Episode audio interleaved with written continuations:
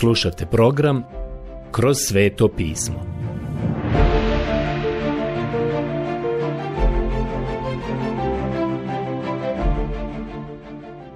Knjiga Poslanica Galačanima. Odlomak Poslanica Galačanima, poglavlje 6, 6. do 11. stiha. Ukoliko imate svoju Bibliju, otvorite je u Poslanici Galačanima, u šestom poglavlju, u šestom stihu. Usput, ovo je vrlo važno mjesto koje bih preporučio. Vjerujem da imate otvorenu Bibliju na mjestu gdje se nalazi ovaj tekst, tako da možete pratiti sa nama. Molim vas, pogledajte sada šesti stih.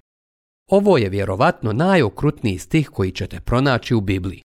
Apostol Pavle je ovdje stvarno rizikovao kada je napisao sljedeće riječi.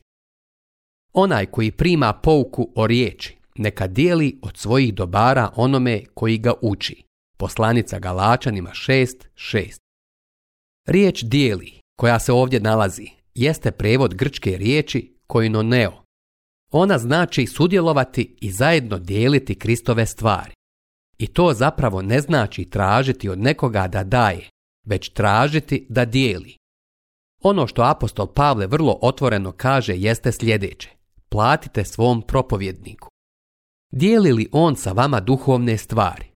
Ako vam neko služi za duhovnu dobrobit, služite i vi njemu za materijalnu dobrobit.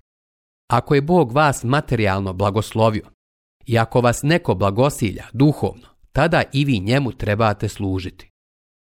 Neki ovo sada stavljaju u sferu dobrovoljnog milostivog davanja i dijeljenja. Ali prijatelji, vjerujte mi, kada uđete u trgovinu i uzmete veknu hljeba, a onda odete do pulta sa mesom i dobijete tamo fini biftek ili neko pečenje i pokušate da prođete pored blagajne, a da ne platite za to, imat ćete problema. Nikome tako nešto ne pada na pamet. Ali kada vam neko služi duhovne stvari i onda odete pored kase i ne platite, zapravo ne podijelite, a riječ Božja kaže da morate podijeliti sa njim. To je razlog zašto ja s vremena na vrijeme kažem gdje god dobivate svoj blagoslov, to je mjesto koje biste trebali podržati financijski i materijalno. Ako imate dobru biblijsku crkvu, podržavajte. Ja mislim da je apostol Pavle ovdje samo veoma otvoren. Neka dijeli od svojih dobara onome koji ga uči. Dakle, riječ neo znači da treba da dijeli sa onim koji ga poučava. Pretpostavljam da mislite da sam se malo previše zadržao na ovoj temi, ali pretpostavljam da je ovo vjerovatno malo ličnija stvar od nekih drugih. Dozvolite mi sada da nastavim dalje. Apostol Pavle kaže, ne varajte se, Bog se ne da izrugivati, jer što čovjek posije, ono će i požeti. Poslanica Galačanima 6.7 Evo jednog od onih izvanrednih odlomaka iz pisma za koje mislim da ih treba razmotriti danas. Pavle ovdje iznosi jedan veoma značajan princip. On zapravo ovdje govori sljedeće. Gle, izađe žetelac žeti. Gospod Isus je govorio o sijaču koji je izašao da sije. Pogledajte evanđelje po Mateju 13. Ali Biblija također govori o tome da je i žetelac izašao da žanje.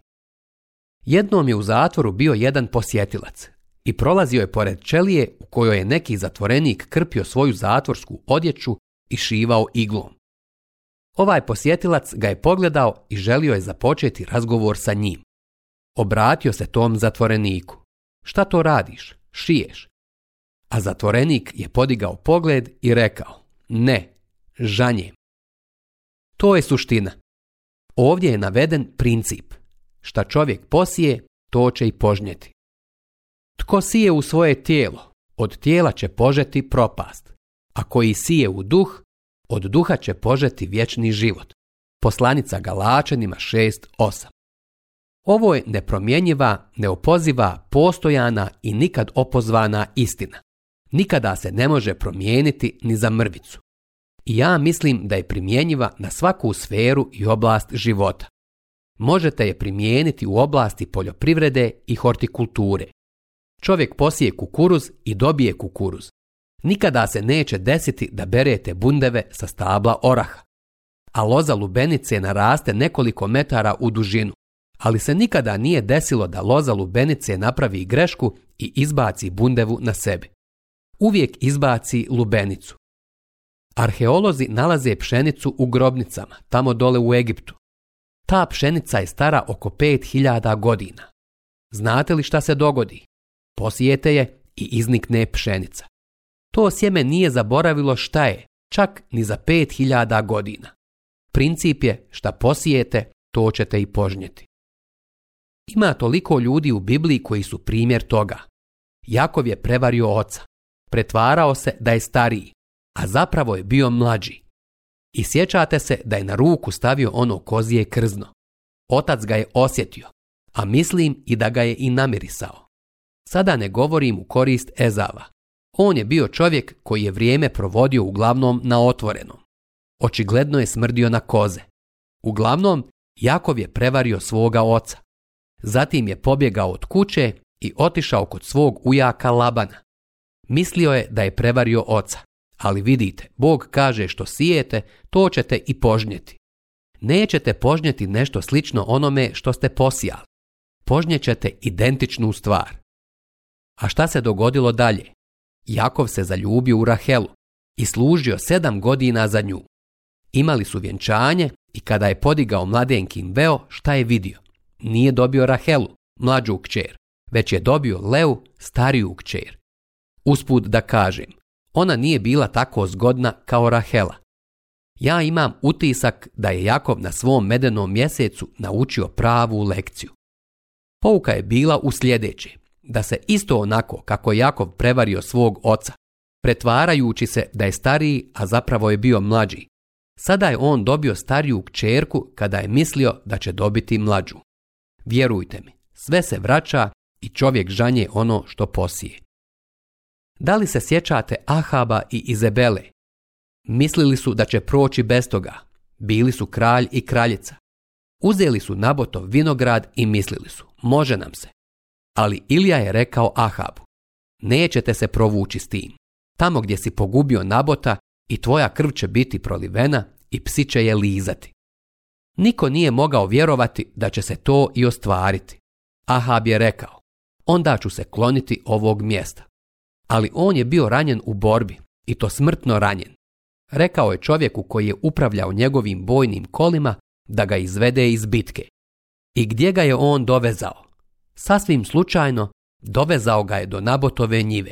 Tačno na ono mjesto gdje je Nabot ubijen. Tu je i umro. I oprali su njegova bojna kola i psi su lizali njegovu krv. Pavle je bio prisutan kada su kamenovali Stjepana čak je bio jedan od predvodnika. A Pavla su kamenovali u Listri i Derbi, kada je prešao u Galaciju. Sada će neko da kaže, ali on je postao kršćanin. Njegovi grijesi su oprošteni. Da, oprošteno je, ali ovo je Božji zakon i on uvijek djeluje. Šta čovjek posije, to će i požnjeti. I to vrijedi za mnoge ljude. Lord Byron je rekao sljedeće. Moji su dani u žutom lišću. Nestalo je cvijeća i plodova ljubavi. Crv, rana i tuga. Samo oni su mi preostali. Iz poeme na današnji dan punim 36 godina, koju je napisao Lord Byron. Sve se vraća na svoje i što čovjek posije, to će i požnjeti. Dr. Robert Lee, veliki propovjednik, prije mnogo godina je u Memphisu, u Tenesiju, održao poznatu propovijed Day Someday, što bismo mogli prevesti jednog dana će sve doći na naplatu. Kao primjer, on je uzeo Izabelu da ilustruje to što je želio da kaže. Mogu li vam nešto reći? To je uvijek bilo istina. Ali neko je opet rekao, ali ti si kršćanin. To nema veze. Sjećam se da sam čuo Mela Trotera, velikog evanđelistu bio je obraćeni pijanac. On je bio kod nas na evangelizacijskom sastanku u Nešvilu, u Tenesiju. I jedne smo večeri samo izašli i otišli na mjesto koje se zove Candyland. Svi su naručili nešto. Neko je naručio veliki banana split, a neki su naručili neku vrstu milkshake ili nešto slično. On je naručio malu čašu gazirane vode. I svi su ga počeli zadirkivati zbog toga. Šalili su se sa njim. Zatim su ga upitali za razlog. Nikada neću zaboraviti ono što je on tada rekao. Odgovorio im je. Kada mi je gospod dao novo srce prilikom obraćenja, nije mi dao i novi želudac. Ja sada plaćam cijenu za sve te godine opijanja. Mogu li vam nešto reći? Što čovjek posije, to će i požnjeti. Nemojte se varati. Bog se ne da varati i ismijavati. Ne možete se provući sa tim. Nikada se nećete provući sa tim. Ja bih volio da se to može svima obznaniti i ispričati. Mnogi mladi ljudi se danas drogiraju. Mnogo mladih ljudi danas olako stupa u seksualne odnose. I naravno, neki od njih već počinju da žanju posljedice toga. Rečeno nam je da su polne bolesti u fazi epidemije u Kaliforniji. Zašto? jer Bog kaže da se sa tim ne možete provući. Nije me briga šta radite, nije me briga koliko tableta uzimate i slično. Prijatelji, Bog kaže, vi ćete to požnjeti. Zašto? Jer Bog se ne da izrugivati. Kada posijete kukuruz, on će se pobrinuti da kukuruz nikne. Kada posijete grijeh, grijeh će izniknuti. Neko kaže, ja sam se obratio. U redu, ali ipak ćete jednog dana imati isplatu. I dalje ćete žeti ono što ste posijali. Ali bolje da nastavimo i da završimo sa ovom temom. Kao što ste mogli čuti, to je veoma snažna i upečatljiva lekcija i istina. Ovo je nešto što apostol Pavle ovdje čini primjenjivim i na kršćane. On kaže, tko sije u svoje tijelo, od tijela će požeti propast, a koji sije u duh, on će šta? On će od duha žeti život vječni. Žeti vječni život znači plodove duha i znači slavnu perspektivu budućnosti. Mislim da bi se veliki broj kršćana stvarno trebao bojati Kristovog povratka po one koji su njegovi, jer idemo pred Kristovu sudačku stolicu da položimo račun za stvari koje smo učinili u tijelu. Dragi moji prijatelji, možda ćete biti spašeni, ali bi vam moglo biti veoma neugodno u onaj dan kada mu budete morali dati račun za svoj život. Apostol Ivan spominje činjenicu da je moguće biti posramljen njegovim pojavljivanjem. Jer ako ćete živjeti u tijelu i proizvoditi dijela tijela, ja ne kažem da ćete izgubiti svoje spasenje. Mislim da nećete, ali ćete sigurno izgubiti svoju nagradu. Iskreno vam kažem, vidjet ćete da će to biti prilično mračan dan za vas kada stanete pred njega. Ali postoji i druga strana novčića, a to je svijetla strana. Upalilo se prvo crveno svjetlo, sada se pali zeleno svjetlo. Obratite pažnju na deveti stih. Ovdje se nalazi nešto za vašu utjehu, za vaše ohrabrenje. I zapazite sada šta tamo piše. Neka nam ne dosadi činiti dobro, jer ćemo u svoje vrijeme požeti, ako ne malakšemo. Poslanica Galačanima 6.9 Dragi moji prijatelji, kršćani, mogu li vam ovo reći? Ja znam da danas govorim ljudima koji će mi reći iste riječi kao što mi je jedan otac prije nekog vremena rekao. Zabrinut sam za svoje sinove. To mi je rekao jedan doktor. Rekao je sljedeće. Opšta društvena klima je protiv mene. Škole su protiv mene. Čini se da su i drugi roditelji protiv mene, čak i neki prijatelji. Ali ja želim ispravno odgojiti svoje dječake. Prijatelji, ukoliko posijete dobro sjeme, požnjećete i dobar plod. Samo strpljivo, ovdje u poslanici Galačanima piše Neka nam ne dosadi činiti dobro. Kada dođe vrijeme, pravo vrijeme, požnjećete u Kanzasu u januaru ne možete izaći i kositi žito. Morate čekati da dođe vrijeme žetve, pa zato, prijatelji, samo nastavite sijati. Imate li danas svoje probleme i poteškoće? Bez obzira na to, nastavite sijati riječ Božju. Gospod kaže da se riječ Božja neće vratiti k njemu prazna. Pogledajte knjigu proroka Izaije 55.11. Kao kiša koja pada sa neba, tako je i kada vi sijete. To će donijeti žetvu u pravo vrijeme. Sjećate se da je Abraham vjerovao Bogu i hodao je s Bogom u kananskoj zemlji. Kananci su tada bili u toj zemlji. Bili su idolopoklonici i zli ljudi. A onda je došao ovaj mladić, Izak. Došao je u njihovo područje, u njihovu kuću. I tamo je odrastao. Postao je odrastao čovjek. Jednog dana Abraham ga je poveo sa sobom na vrh planine Morije. I šta se tamo dogodilo? Bio je spreman da ga prinese na žrtvu, ali Bog mu nije dao da to učini. Abraham je sijao u duhu i požnjao je život vječni. Joke beda. Ona je bila Mojsijeva majka. Rodila ga je u Egiptu. Podučavala je tog svog malog dječaka jer je postala njegova dadilja. Egipat je bio protiv nje, i paganstvo koje je vladalo tamo je bilo protiv nje. I užici Egipta su bili protiv nje. I filozofija Egipta i religija Egipta. Sve je bilo protiv nje, ali je rekla Mojsiju za Abrahama. I rekla je Mojsiju o Božijem pozivu i namjeri. Gledala ga je kako odrasta i izgleda kao Egipćanin pored faraona. Ali jednog dana je došlo to vrijeme kada je napustio užitke i grijeh Egipta te je otišao i zauzeo svoje mjesto sa Božijim narodom. Mogu vam reći sljedeće. Šta god čovjek posije, to će i požnjeti. Evo sada još jednog biblijskog lika, Davida. Njegov grijeh je očigledan. Smatramo ga okrutnim čovjekom. Kada sam prije izvjesnog vremena govorio o Davidu, dobio sam pisma iz cijele zemlje. Ljudi su pisali otprilike ovako. Taj tip je užasan a ti si ga branio. Jesam, znate, interesantno je da možete staviti kap tinte na bijeli laneni stonjak i moći ćete tu mrlju vidjeti sa velike udaljenosti. Ali kap tinte može pasti i na crno odijelo i da se to uopšte ne primijeti. Razlog zbog kojeg je David zapažen u svojim nedjelima, iako su i svi ostali kraljevi tako živjeli. David je počinio jedan grijeh koji se ističe Imao je srce za Boga. On u svojoj ispovjedi otkriva svoju glad i žeć za Bogom.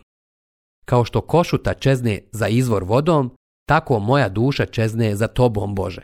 Psalam 42.1 Kao što već znate, David je postao standard i uzor za kraljeve u svojoj lozi.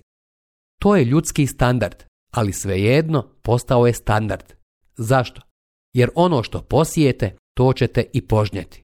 Da, prijatelji, David je platio kaznu. Snašlo ga je nešto veoma teško i njegov dom je zadesila tuga. Ali želim vam reći, Bog ga je nakon toga učinio uzorom svakom kralju. Ovo je prekrasan odlomak iz svetog pisma. Dakle, gdje god bili i kogod da ste, možete reći sljedeće. Nalazim se u teškom položaju. Ali posijite riječ Božju i Bog će se pobrinuti da je i požanjete jednog dana. Ali prijatelji, ne možete požnjeti dok ne dođe žetva. Morate pričekati do tada. No međutim, trebamo biti vjerni u sijanju sjemena jer postoji Božji zakon. Bog se ne da ismijavati. Šta god posijete, to ćete i požnjeti. Ukoliko sijete u duhu, požnjećete život vječni. Ukoliko sijete u tijelo, prijatelj onda ćete jednog dana požnjati propadljivost. Apostol Pavle ide dalje i kaže sljedeće. Zato dakle, dok imamo vremena, činimo dobro svima, a osobito onima koji su s nama u istoj vjerničkoj obitelji. Poslanica Galačanima 6.10 Trebali bismo biti oni koji čine dobro. Danas prepoznajem da je liberalizam, sva ta takozvana religija liberalizma, zapravo religija koja čini dobro. Ali iskreno govoreći, ja ne mislim da čine mnogo dobra. Kada su nakon nemira u Vacu, u predgrađu Los Angelesa, reporterske kamere bile ugašene. Liberalizam je onda pokazao svoje pravo lice. To je bilo u vrijeme nereda. Mi smo prije mnogo godina osnovali školu u tom predgrađu. I ta škola i danas radi i postoji. Liberali su otišli kada tamo više nije bilo televizijskih kamera. Oni ne rade ništa ako nemaju medijsku pažnju. Ta naša škola još uvijek postoji. Ja vjerujem u činjenje dobra, ali prijatelj, morate imati pravi temelj kada činite dobro. Poenta je u tome da se uklopi sve ono što piše u poslanici Galačanima, u evanđelju o milosti Božjoj i hodanje u duhu Božjem. I kada se to usklađeno dogodi, onda je i plod duha proizveden. I onda, prijatelji moji, onda vi činite istinsko dobro. Činite dobro svim ljudima. Posebno činite dobrim vjernicima. Kako je samo ovo važno? Prijatelji, ovo nas dovodi do posljednjeg odjeljka u poslanici Galačanima. Sada dolazimo do potpisanog završetka ovog pisma počevši od 11. stiha pa sve do kraja ovog šestog poglavlja. Ovdje u 11. stihu imamo Pavlov vlastiti rukopis, a onda ćemo vidjeti i Pavlovo vlastito svjedočanstvo. Zatim ćemo vidjeti Kristov križ nasuprot obrezanju, a onda Kristov rukopis na Pavlovu tijelu. Drugim riječima, ovdje se spominju tri rukopisa. Prvi rukopis koji spominje je ovdje u 11. stihu. On kaže, vidite kolikim vam slovima pišem svojom rukom. Poslanica Galačanima 6.11. To što je apostol Pavle pisao velikim slovima ovu poslanicu, ne znači da je to i velika poslanica. Znači samo da je napisana velikim slovima. Sam Pavle je napisao poslanicu Galačanima. Prilikom pisanja poslanice Rimljanima, Pavle je imao sekretara, on je njemu izdiktirao tu poslanicu. I onda taj sekretar mu je rekao, da li želiš na kraju napisati riječ dvije svojom rukom?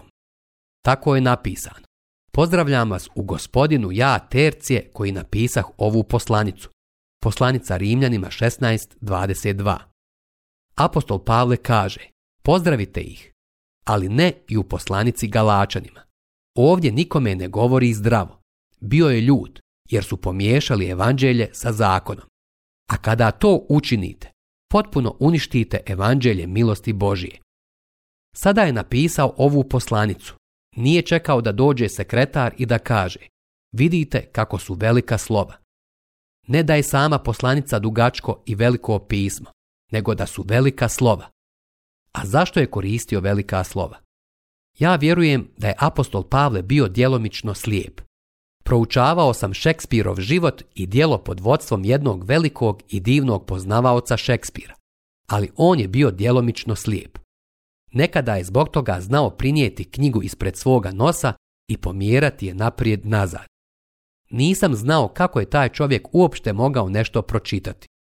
Ali zamislite da neko proučava Romea i Uliju, a pri tome je primiče i odmiče knjigu od svojih očiju ali to je način na koji je on to radio i bez obzira na to, kasnije je mogao podučavati druge o Romeu i Juliji.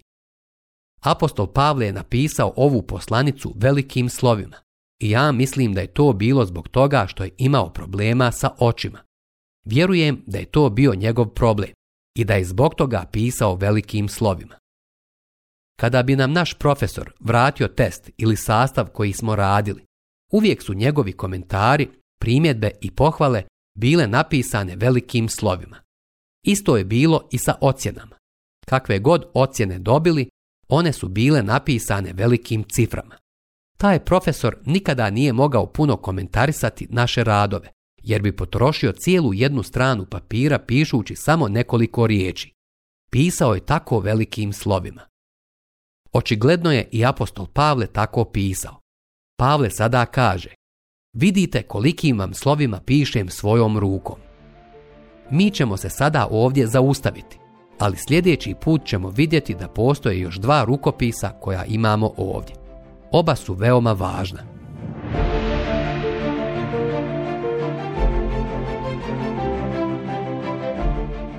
Slušali ste emisiju Kroz sveto pismo. Možete nas slušati i na našem YouTube kanalu putem mobilne aplikacije na svim glavnim podcast platformama kao što su Google, Apple i Spotify. Ako vam se naši programi dopadaju, preporučite ih i podijelite s drugima. Budite slobodni da ostavite svoj komentar ili nam pišite na našu e-mail adresu kroz svetopismo.bih at gmail.com Zapratite našu stranicu kroz sveto pismo BiH na Facebooku i na Instagramu Emisije iz ove serije možete pronaći na našoj stranici ttb.twr.org.